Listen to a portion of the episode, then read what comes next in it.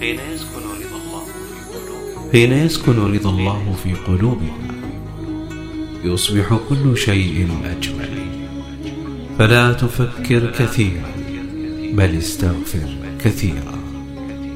والله يفتح بالاستغفار أبوابا لا تفتح بالتفكير.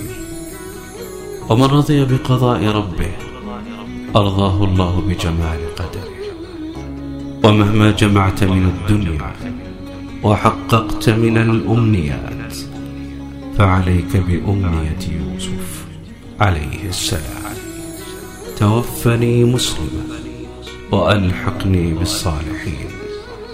أسعد الله أيامكم وأنهار قلوبكم